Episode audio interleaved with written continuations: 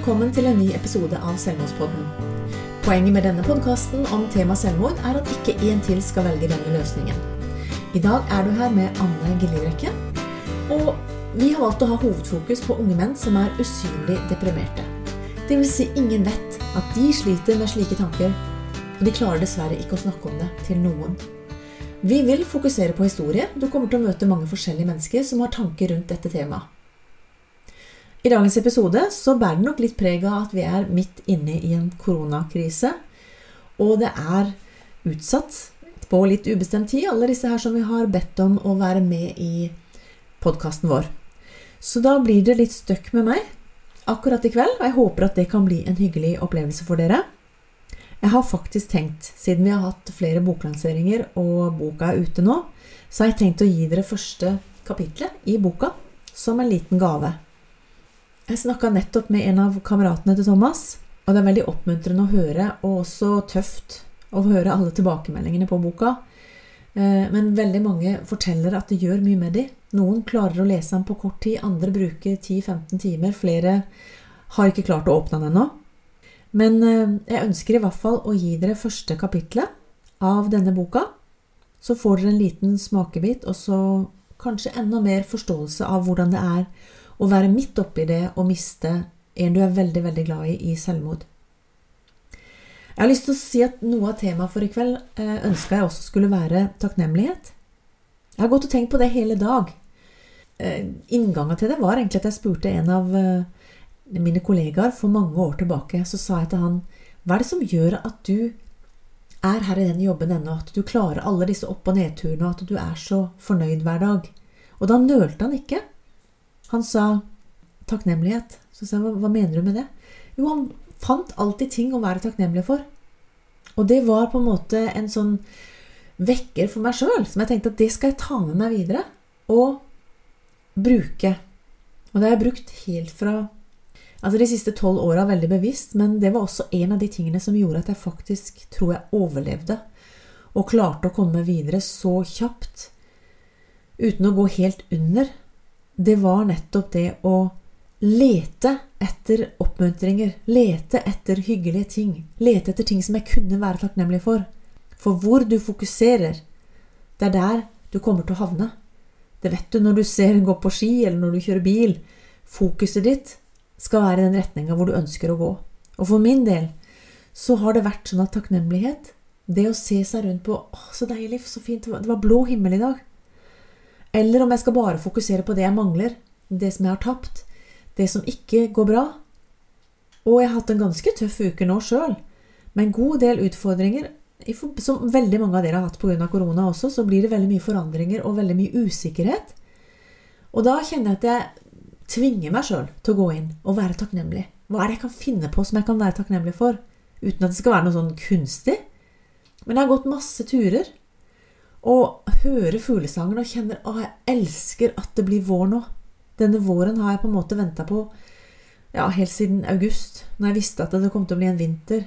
Så har jeg tenkt at å, når det bare begynner å bli vår igjen, så kanskje man kjenner at det, varmen kommer i kroppen igjen.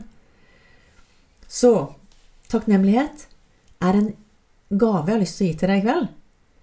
Hvis du sliter nå med å være skikkelig deppa, eller syns at det er bare helt kålsvart, så prøv å finne tre ting som er litt ok. Om det så bare er egentlig veldig glad for denne familien jeg har, eller åh, nå er jeg glad for at jeg har den leiligheten eller det huset, eller bare at du har mat på bordet, eller at du har fått betalt de siste regningene. Så takknemlighet for meg har vært en kjempestor sak, sammen med det å ta én dag av gangen. Så da tror jeg vi går rett på og leser første kapittel av boka. Å miste en sønn i selvmord. Gutten som alltid smilte. Denne boka vil jeg tilegne til mine fire barn. Karina, Marianne, Thomas og Miriam. Jentene mine. Jeg hadde aldri klart å skrive denne boka uten deres støtte og kjærlighet. Tusen takk. Jeg elsker dere. Sammen skal vi klare å finne mening, håp og kraft til å leve videre, selv uten vår kjære Thomas. Og Thomas, ditt liv ble altfor kort, men du har gitt oss så mye kjærlighet i de 27 årene vi fikk være sammen med deg. Du har alltid vært stjerna i showet, gutten med smilet, blunket, latteren og de varme klemmene som smeltet alt og alle rundt deg. Vi mangler en hos oss, men vit at din stemme vil høres i mange år fremover. Takk til. Det er ufattelig mange som har bidratt til denne boka. Jeg har takket mange av dere både personlig og i boka. Alle venner og familie jeg har møtt etter at Thomas døde, som har oppmuntret meg både til å skrive boka og starte Selvmordspodden. Jentene mine får kontinuerlig støtte og innspill, og utallige gjennomlesninger av manus. Thomas sine venner og kollegaer, som har sendt meg så mange oppmuntrende meldinger, videoer og hilsener. Dere har fortalt så åpent om dere selv, og inspirert meg til å tørre å være åpen selv. Mine foreldre, Marie og Roy, som ga meg så mye kjærlighet og varme hele livet, og som gjør at jeg står oppreist i dag. Mine venner, som har vært en enorm oppmuntring og støtte, spesielt i denne tiden. Sven Åge, min mentor gjennom tolv år, som har hjulpet meg mange ganger til å se lys og håp i vanskelige situasjoner. Og dine innspill og visdom har hjulpet meg mer enn du aner. Sjur Jansen i Skrive historie, som har hjulpet meg med å utgi boka. Min gode venn Sharon Fackerty, som nettopp skrev sin biografi og har gitt meg uvurderlig hjelp til å skrive boka. Thank you. Kine, som har oppmuntret, ledd og grått med meg som en venn, medstudent og kollega. Takk for din inspirasjon, humor og ro. Du inspirerer meg hver dag. Jeg kunne ha skrevet en hel bok med navn på alle dere som har vært med og gjort mitt liv rikere. Hvis noen føler seg glemt, tusen takk til deg. Jeg håper at jeg kan gi dere like mye varme tilbake som dere har gitt meg. Og til slutt, men absolutt ikke minst, min himmelske Far, som har vært med meg hele livet, og som aldri har sviktet meg. Jeg skriver denne boka under fire uker etter at min elskede og hjertegode sønn Thomas tok sitt eget liv. Min eneste sønn ble bare 27 år gammel, og ingen av oss hadde noen idé om at han slet med tanker om å ikke orke livet lenger. Igjen sitter hans tre søstre, svogere, nieser og nevøer, venner og kollegaer med masse spørsmål og en bunnløs sorg. Thomas vokste opp på Sørlandet, men han hadde flyttet en del på grunn av jobben. Han hadde nylig flyttet til Oslo sammen med en bestekompis etter å ha fått drømmejobben der. Thomas var høyt elsket av mange, og han var en som mange åpnet seg for. Vi er en åpen familie som snakker om alt mulig, både vonde og gode ting. Thomas likte ikke når noen ble baksnakket. Han hadde et behov for å passe på de rundt seg, og han så oss.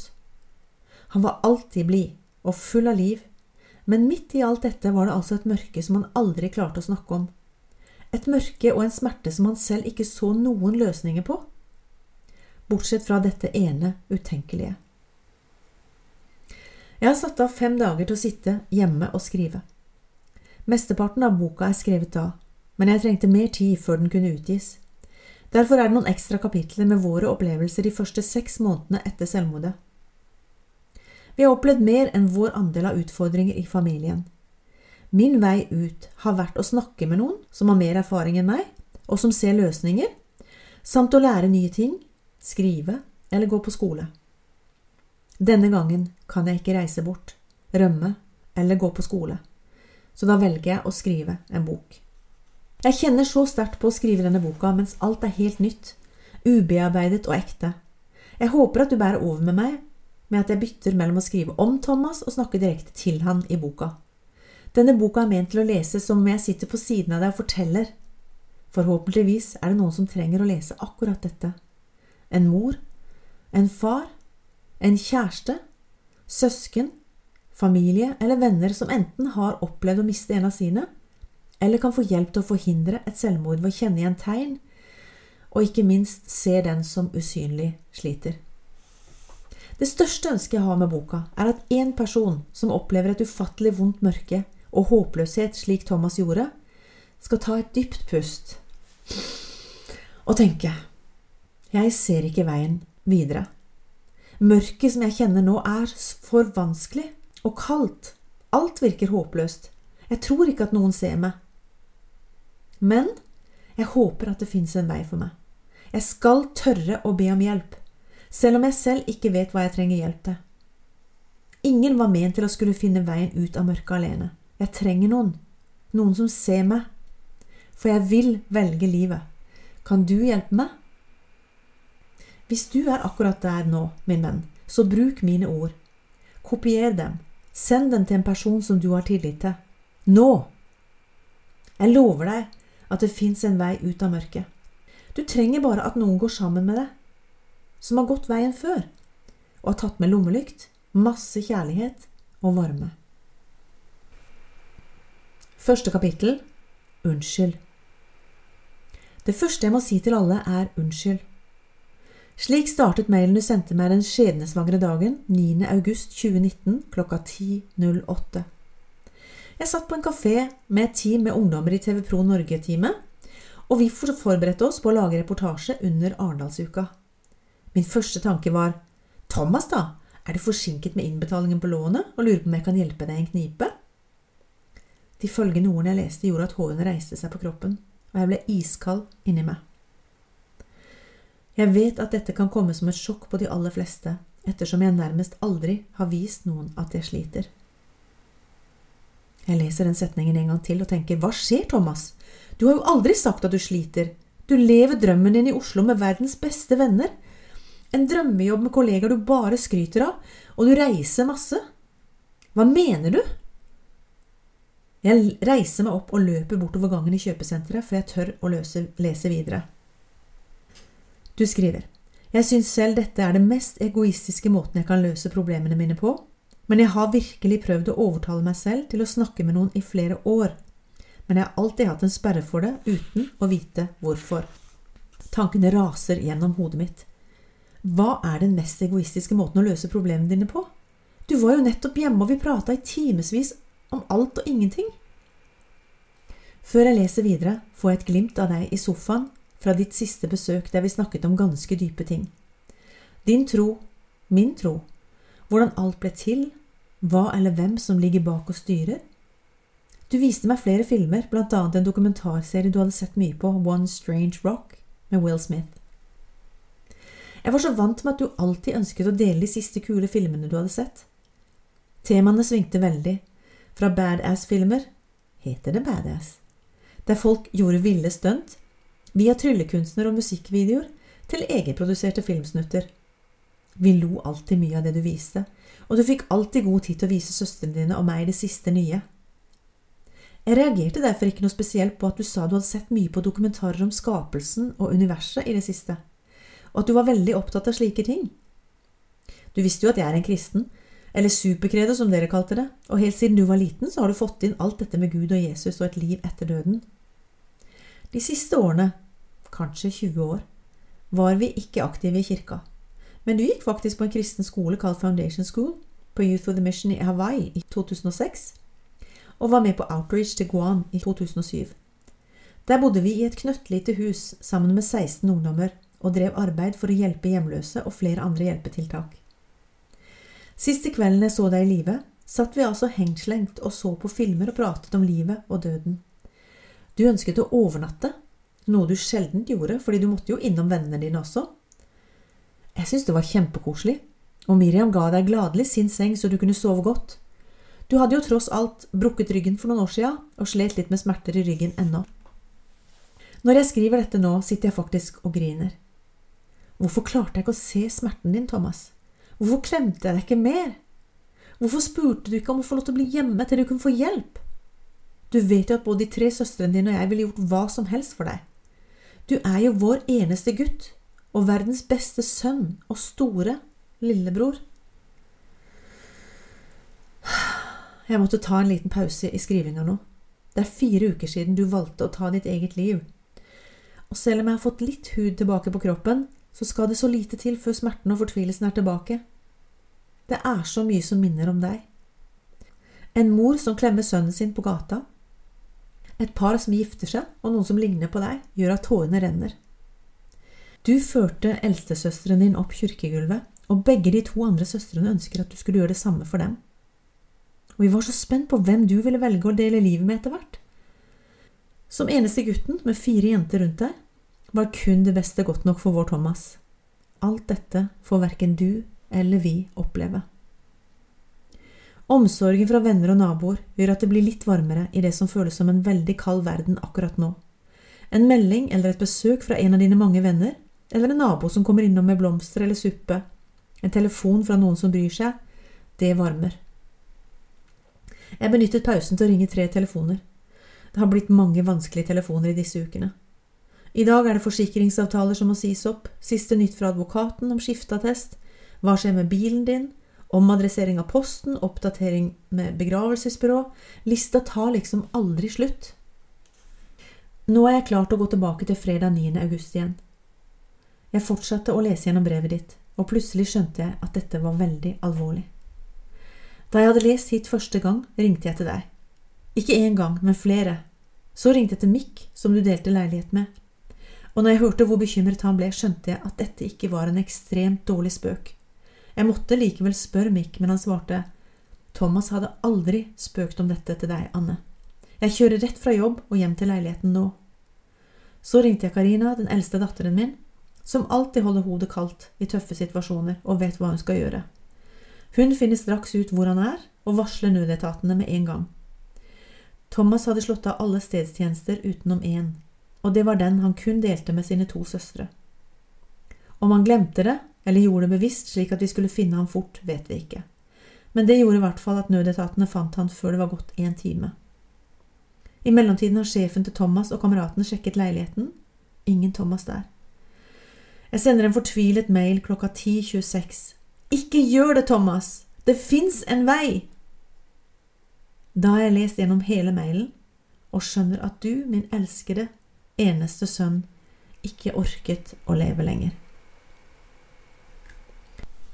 Dette var første kapittel i boka Å miste en sønn i selvmord. Gutten som alltid smilte. Jeg syns det er tøft å lese det sjøl, og jeg vet at det kan bli veldig tøft for mange av dere også som sliter med sånne tanker, eller har opplevd å miste noen, eller har opplevd noen som har forsøkt å ta selvmord. Og i en sånn tid som vi lever i nå, med koronaviruset som gjør at hele Norge stopper opp, eller egentlig hele verden stopper opp, så er det ekstra viktig at vi er mer rause med hverandre enn det vi pleier å være, til og med. Vær raus med å gi et smil, Vær raus med å snakke litt ekstra i telefonen, eller kanskje ta opp telefonen og ring til noen som du vet sitter alene. Det er også andre plasser hvor du kan få hjelp. Vi pleier alltid å nevne de på slutten av sendinga, det gjør vi også i dag. Så Kirkens SOS har døgnåpen krisetelefon. Mental Helse har det samme. Så går det an å kontakte LEVE, som er Landsforeningen for etterlatte ved selvmord. Legevakten har 116-117. Da må dere huske på at dere må vite hvilket fylke dere er i. Så de har jo blitt en god del forandringer i det siste. Kors på halsen, det er Røde Kors sin lavterskel samtaletelefon for barn og unge som er under 18. De har ikke oppe i helga nå, men de er oppe i ukedagene. Det fins også flere, både nystartede og andre, hjelpetelefoner hvor du kan være anonym og få lov til å fortelle om det som du sliter med.